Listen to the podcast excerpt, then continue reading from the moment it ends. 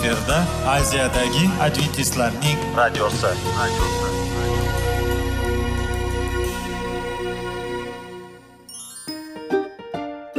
Assalomu alaykum radio tinglovchimiz. Dasturimizga xush kelibsiz va bizni tinglayotganingizga sizdan judayam minnatdormiz. Bugungi bizning dasturimizning nomi sog'liq daqiqasi deb ataladi va biz sizlarga bu dasturda mevalarning foydasi haqida so'zlab bermoqchimiz. Ya'ni uning tarkibi uning tarixini va foydali xususiyatlari haqida. Aziz do'stlar mevani iste'mol qilish kerak ekan va biz boshladik. Ketdik. Sog'liq daqiqasi soliqning kaliti qiziqarli ma'lumotlar faktlar. Har kuni siz uchun foydali maslahatlar. Sog'liq daqiqasi rubrikasi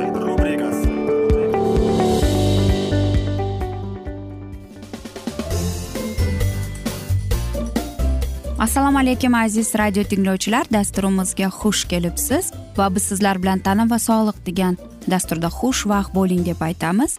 Va bizning bugungi dasturimizning mavzusi bo'yin uchun mashqlar deb nomlanadi. Albatta hayotimizda bo'ynimiz og'rib qolganda biz nima qilishimizni bilmaymiz. Lekin qanday qilib biz bo'ynimiz uchun ertalab uyg'onib mashqlar qilishimiz mumkin? Qanday qilib biz mana shu narsaga o'zimizni majburlashimiz kerak? Va men umid qilamanki bugungi dasturimizdan so'ng sizga birozgina bo'lsada yengillik bo'lib qoladi deb. Ayniqsa bu bo'yin uchun mashqlar.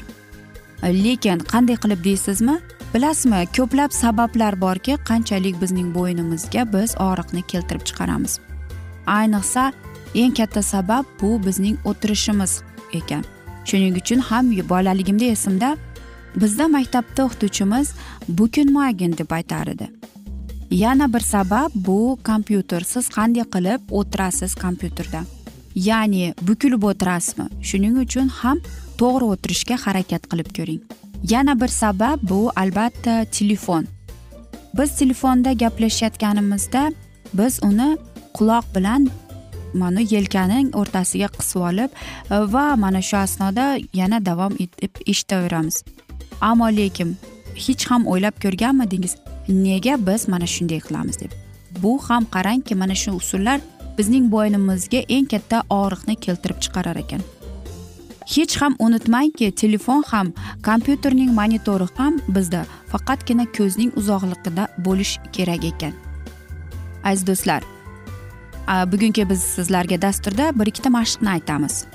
Sog'lomlashtiruvchi gimnastika bo'yin mo'ljalasini muhim hisoblanadi. Ayniqsa Э, kasallik ko'p o'tirish va kam harakatlik oqibatida kelib chiqqan bo'lsa bunday gimnastikasining samarali e, sezilarli darajada bo'ladi.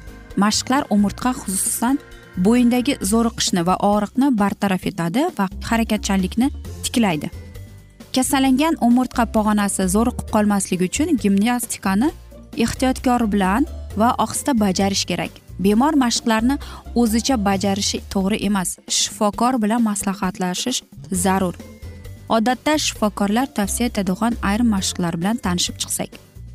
Bu mashq tik turgan yoki stulda o'tirgan holda bajariladi. Mushaklar bo'shashgan qo'llar ikki yonda boshni imkon qadar chop tomonga suring. So'ng ohistalik bilan dastlabki holatda qaytib xuddi shuni o'ng tomonga ham bajaring. Shuni besh o'n martadan takrorlang. Boshni yon tomon eging. Ayni paytda qo'l kafti yordamida egal egilashga qarshilik ko'rsating.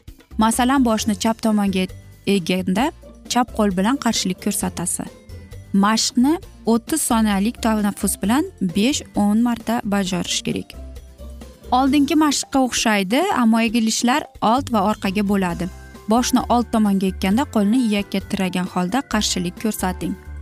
Stolda o'tirgan yoki tik turgan holda qo'llar yon tomonga tushiriladi.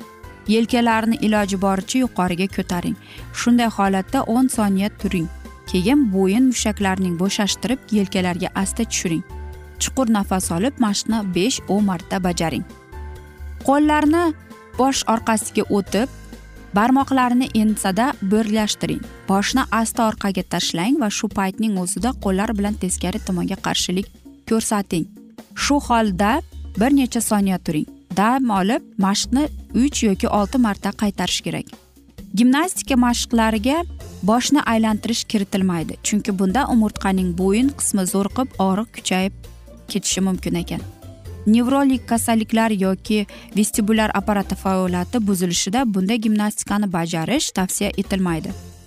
Va unutmang sog'lomlashtiruvchi mashqlar to'g'ri bajarilsa bo'yindagi og'riqlar ancha yengillashadi.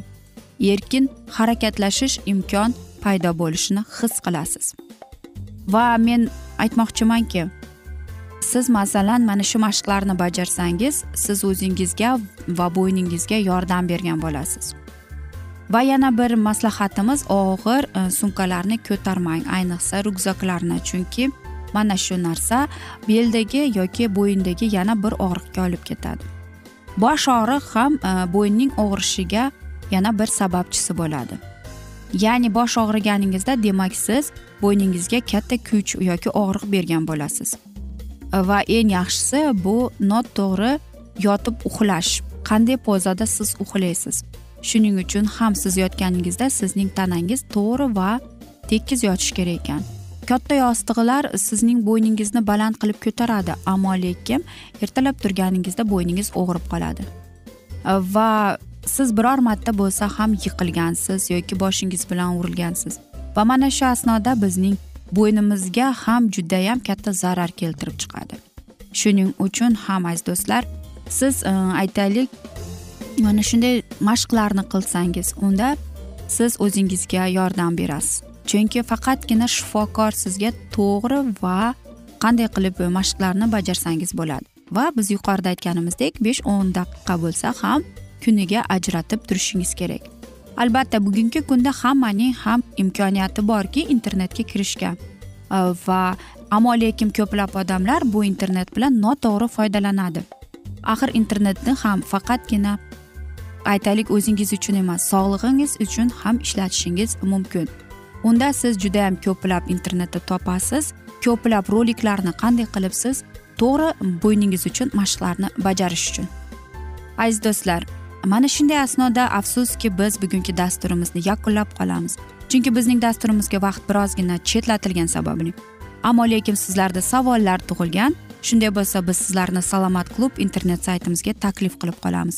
Va men umid qilamanki siz bizni tark etmaysiz deb chunki oldinda bundanda qiziq va foydali dasturlar kutib kelmoqda.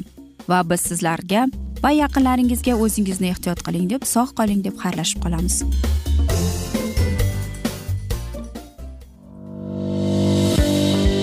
Sog'liq daqiqasi soliqning kaliti qiziqarli ma'lumotlar faktlar. Har kuni siz uchun foydali maslahatlar. Sog'liq daqiqasi rubrikasi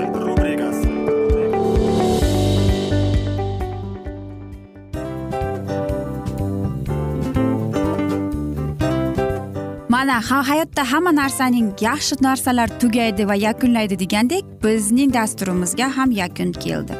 O'ylaymanki bizning dasturimiz sizga foydali bo'ldi deb aziz radio tinglovchimiz. Va siz o'zingiz uchun kerakli xulosalar kerakli maslahatlar olib oldingiz. Aziz radio tinglovchimiz biz bilan qoling va keyingi dasturlarimiz albatta undanda qiziqroq bo'ladi. Mana shu alfozda sizlar bilan xayrlashib qolaman.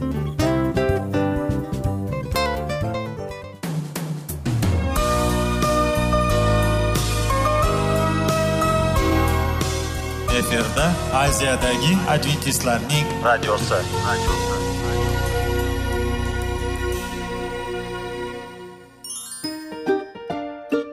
Assalomu alaykum aziz radio tinglovchilar. Dasturimizga xush kelibsiz. Va sizlarni bugun biz munosabatlar haqida sizlar bilan suhbat qurmoqchimiz. Ya'ni ikki sevishganlar to'g'risida yoki er xotinning o'rtasida bo'lgan munosabatlar haqida. Masalan yigit qizni qanday sevish kerak? Er xotinni qanday sevish kerak? Xotin erini qanday sevish kerak? Qanday munosabatda bo'lish kerak ular bir biriga mana shunday haqida bizning mavzuyimiz.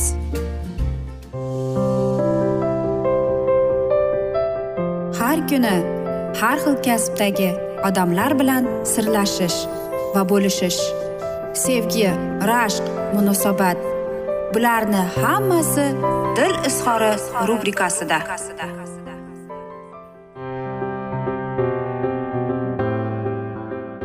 Assalomu alaykum aziz radio tinglovchilar. Dasturimizga xush kelibsiz. Va biz sizlar bilan erkaklar marsdan ayollar veneradan degan dasturda xush vaqt bo'ling deb aytamiz. Va bugungi bizning dasturimizning mavzusi qanday qilib biz istagan narsamizni qabul qilish? Ya'ni biz so'ragan narsamizni doimo ham olamizmi yoki yo'qmi? Yaxshilab o'ylanib ko'ring. Sizning turmush o'rtog'ingiz sizga nimada yordam beradi?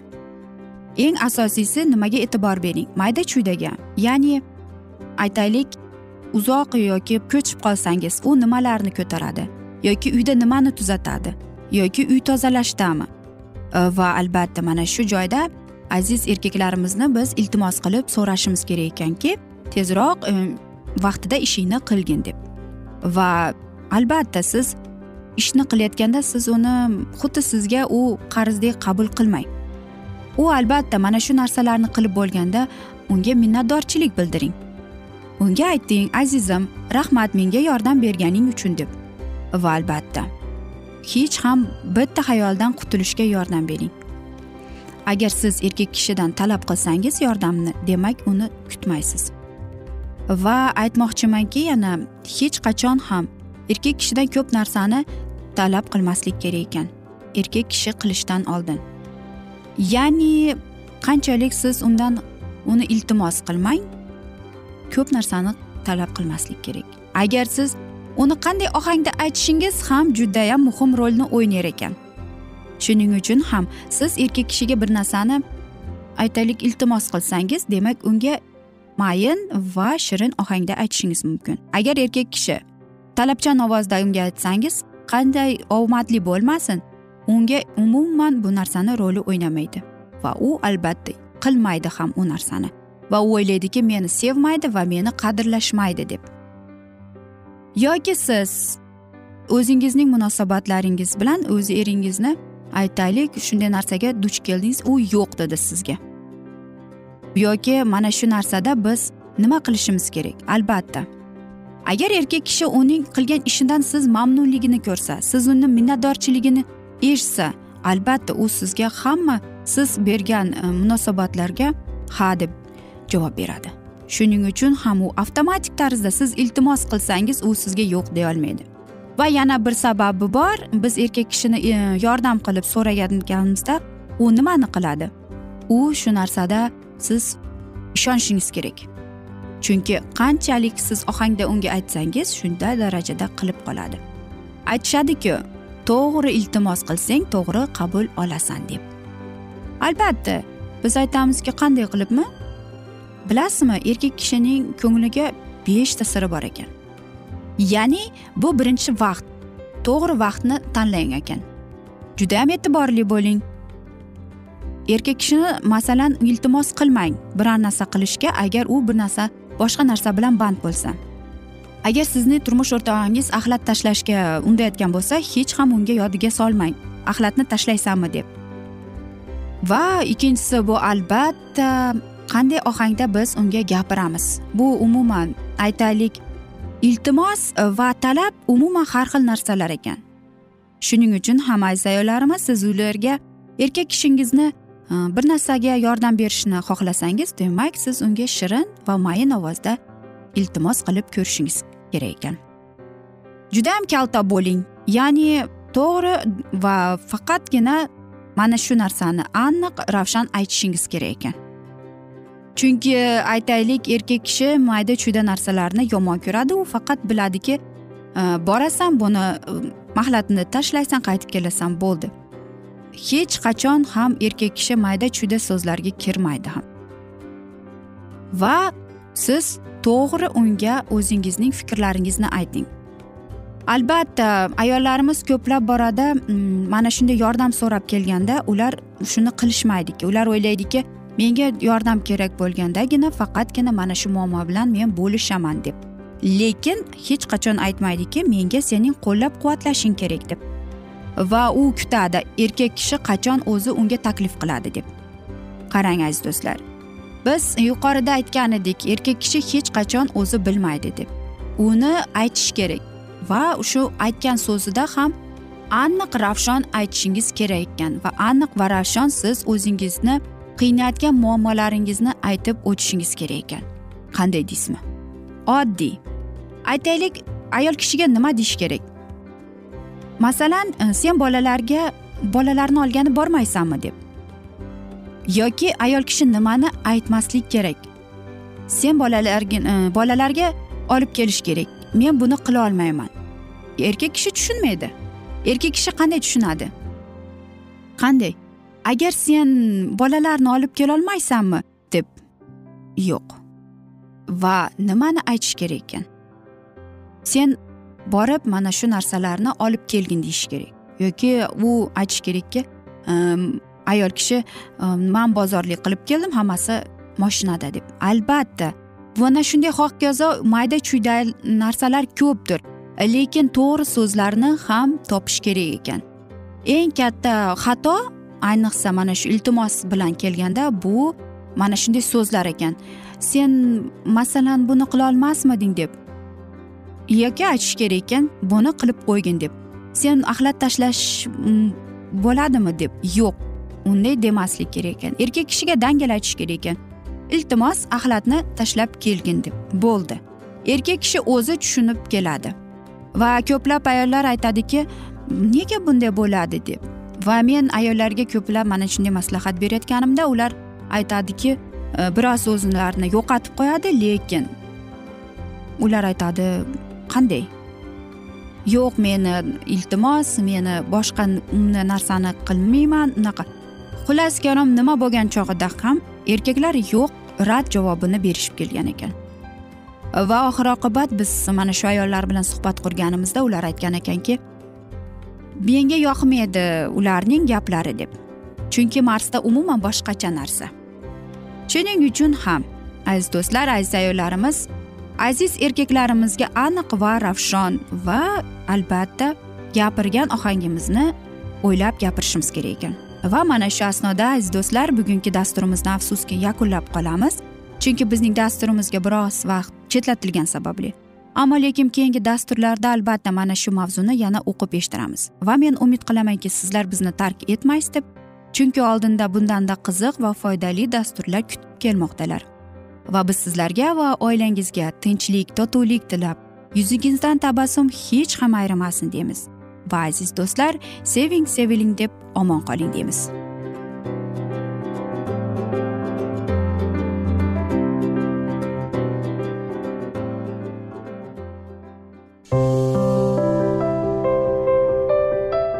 Har kuni har xil kasbdagi odamlar bilan sirlashish va bo'lishish sevgi rashq munosabat. Bularni hammasi dil izhori rubrikasida. Mana aziz radio tinglovchimiz bizning go'zal va foydali va chiroyli dasturimiz yakunlanib bormoqda. Sizlarga birozgina maslahat berib o'tmoqchi edik. Bir biringizni seving qadringizga yeting va erkalang albatta bir biringizni va sizga judayam chiroyli va mustahkam munosabatlar tilab qolamiz albatta. Sevgilingiz doimo yoningizda bo'lsin. Mana shu borada sizlar bilan xayrlashib qolamiz. Xayr.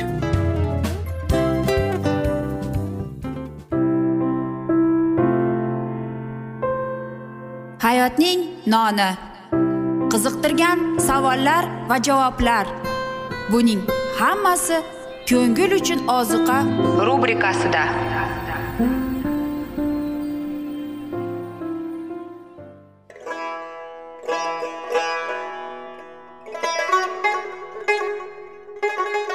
Assalomu alaykum aziz va qadrdon radio tinglovchimiz.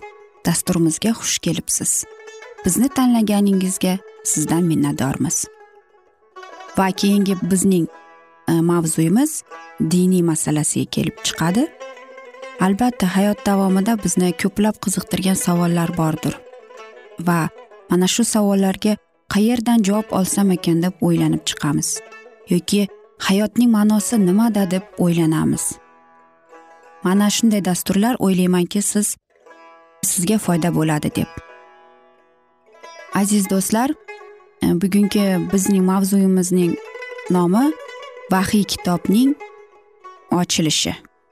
Ya'ni bu muqaddas kitobda shunday deb yozilgan. Vahiy kitobning bizga bo'lgan buyuk sovg'asi deb. Albatta mana shunday kitobni eshitib quloq solib e'tiborli bo'lsak biz o'zimizning qiziqtirgan hayotning ma'nosini tushuntirgan bizni kelajakda nima kutayotganini mana shu kitobdan bilib olamiz albatta. Va xudoyim bizga qanday rejalar ochgan bizga qanday kelajak kutayotganini aynan mana shu kitobda yozilgan va bizga mana shu kitob orqali xudoyim bizga aytib bergan. Keling aziz do'stlar mana shu kitobni e'tiborli va yaxshilab quloq solib va chuqurroq nazar solaylik shu muqaddas kitobga. Assalomu alaykum aziz radio tinglovchilar. Dasturimizga xush kelibsiz va biz sizlar bilan ulug' kurash degan kitobni o'qib eshittirayotgan edik. Va bugungi bizning dasturimizdagi mavzu zulmatdagi nur deb nomlanadi va biz sizlar bilan o'tgan galgi mavzuni bugun davom ettiramiz.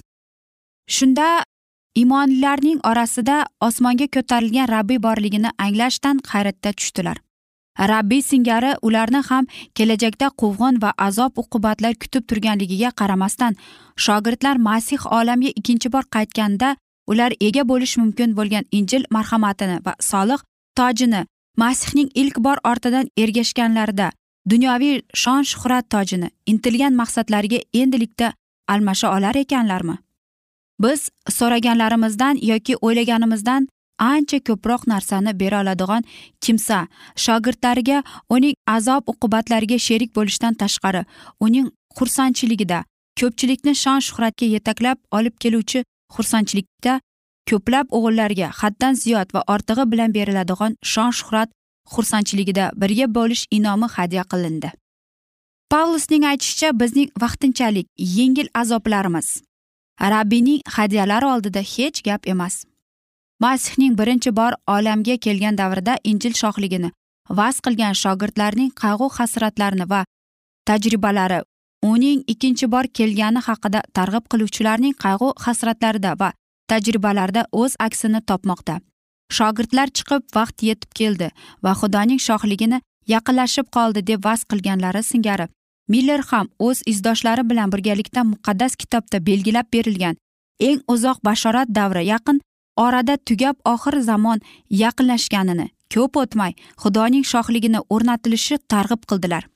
Vaqt borasida izdoshlarning davri doniyor kitobining to'qqizinchi bobida esga olingan va ko'rsatilgan yetmish karra yetti yilga asoslangan edi. Miller va uning maslakdoshlari vaz qilgan xabar ikki ming uch yuz kunning yakunlab qolganini ya'ni e, muqaddas kitobning doniyor kitobining sakkizinchi bob o'n to'rtinchi she'rini qarang. Ya'ni uning bir qismi bo'lmish yetmish karra yetmish haqida edi. Ikkinchilar ham xuddi birinchilar singari bashorat qilingan buyuk davrning turlicha qismlarining amalga oshishiga asoslanganlar. Ilk shogirdlar kabi uilyam miller va uning izdoshlari o'zlari targ'ib qilayotgan xabarning to'liq ma'nosini tushunib yetmagan edilar. Jamoatda hukm surayotgan gumrohliklar bashoratlarda keltirayotgan asosiy jihatlarni to'g'ri tushunishga xalaqit beradi. Shuning uchun ham xudo ularga ishonib topshirilgan xabarni targ'ib qilingan bo'lsalarda bu xabarni noto'g'ri tushunish natijasida ularning ehtiyoslari qaytdi. Miller doniyorning ikki ming yuz uch yuz kechayu kunduz shundan so'ng ma'bad poklanadi. Ushbu oyatini yuqorida aytib o'tilgandek yerni ma'bad deb hisoblab hammaga ma'lum bo'lgan nuqtai nazarda asoslangan holda talqin qilgan. Miller ma'batning poklanishi yerning olovda yopilishi orqali va bu voqea rabbiyning olamga ikkinchi bor kelishda amalga oshadi deb o'ylagan. ikki ming uch yuz kunning yakunlanishini sanasini aniq hisoblab chiqish mumkinligini bilib olgandan keyin miller bu voqea albatta masih ikkinchi bor kelganda amalga oshadi degan xulosaga keladi. Uning adashishi o'sha vaqtda mashhur bo'lgan ta'limot ma'bad bu bizning yerimiz degan tushunchani qabul qilishning natijasi bo'ldi. Masihning qurbonlik va ruhoniylik soyasi hisoblangan xudoga xizmat qilish timsoli sohasida oliy ruhoniy tomonidan yilda xizmat davrining oxirida ma'badni poklash harakatlari o'tkazildi. Bu poklashning yakunlovchi isroil jamoatini gunohlardan poklanish so'nggi lahzasi edi. Bu holat samoviy kitoblarga kiritilgan samoviy oliy ruhoniy xizmatdagi o'z xalqi gunohlarni kechirishning yakunlovchi davri ramzi bo'ldi. Ushbu xizmat o'z ichiga tekshirishni va hukmni mujassamlashtirgan. Zero shundan so'ng darrov masih samoviy ustunlarda kuch va buyuk shon shuhratda keladi. Chunki u kelgungacha qadar har bir kimsaning taqdiri hal qilingan bo'ladi. Iso shunday dedi mana men tez kelaman. Karimtam o'zim bilan har kimga qilmishimga yarasha jazo berungimdir deb. Rabbiyning ikkinchi bor kelishi ogohlantiruvchi aynan shu hukm haqida birinchi farishtaning xabari aytilgan ekan. Xudodan qo'rqing uni ulug'lang uning hukm qilish vaqti soati keldi deb. Ushbu ogohlantiruvchi bildirish o'sha davr odamlari uchun muhim xabarni olib keldi. Ilk shogirdlar doniyor kitobining to'qqizinchi bobida aytilgan vaqt keldi va xudoning shohligi yaqinlashib qoldi degan bashoratga asoslanib vaz qilganlar ammo bu bobda yog' suritilganning o'limi haqida qilingan karomatini tushunmaganlar. Xuddi shu singari miller ham o'z izdoshlari bilan vahiy kitobning o'n to'rtinchi bobida rabbiyning kelishi oldidan e'lon qilinishi kerak bo'lgan xabarlarni tushunmagan holda doniyor kitobining sakkizinchi bob o'n to'rtinchi oyat va vahiy kitobning o'n to'rtinchi bob yettinchi oyatida asoslangan xabarni e'lon qildilar. Yetmish karra yetti yil oxirida qanday shohlik o'rnatilishi tushunmay xato qilgan shogirdlar singari adventistlar ikki ming uch yuz kun oxirida ro'y berishi kerak bo'lgan hodisalar deb aytadi. Va aytmoqchiman bu masihiylar ilk shogirdlar singari sinovlar paytida tushunib yetmagan narsalarni faqatgina keyinchalik yetib anglab yetishlari mumkin deydi.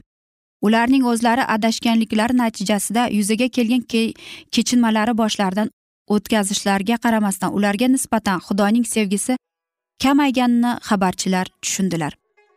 Va ular xudo uning rahm shafqatli xudo deb aytganlar. Xudoning vahiy va nasihatlarga nisbatan marhamat va haqiqatni saqlovchi deb. Aziz do'stlar mana shunday asnoda biz bugungi dasturimizni afsuski yakunlab qolamiz. Lekin sizlarda savollar tug'ilgan bo'lsa biz sizlarni alkitab media internet saytimizga taklif qilib qolamiz. Va aziz do'stlar biz sizlarga va yaqinlaringizga tinchlik totuvlik tilab yuzingizdan tabassum hech ham ayrimasin deymiz.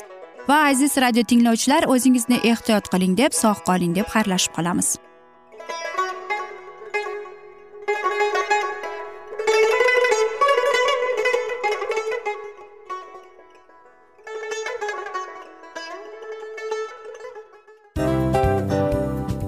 Afsus afsus. Hamma yaxshi narsaning ham yakuni bo'ladi degandek bizning foydali va qiziqarli dasturlarimiz ham yakunlanib qoldi. Va men umid qilamanki bizning dasturlar sizga ozgina bo'lsada maslahat berdi foyda berdi. Va sog'liq borasida ayniqsa sizlarga foydali bo'ldi deb. Va siz bizning maslahatlarga amal qilasiz deb. Albatta keyingi dasturlarda undanda qiziqroq undanda foydaliroq ma'lumot berishga harakat qilamiz. Undanda qiziqroq ko'rsatuvlar sizlarga hadya etishga harakat qilamiz. Bizni tanlaganingizga albatta sizlardan minnatdormiz. Sizlarga baxt omad va sog'lik tilab qolgan holda mana shu alfozda sizlar bilan xayrlashib qolamiz. O'zingizni ehtiyot qiling sog' bo'ling omad sizga xayr.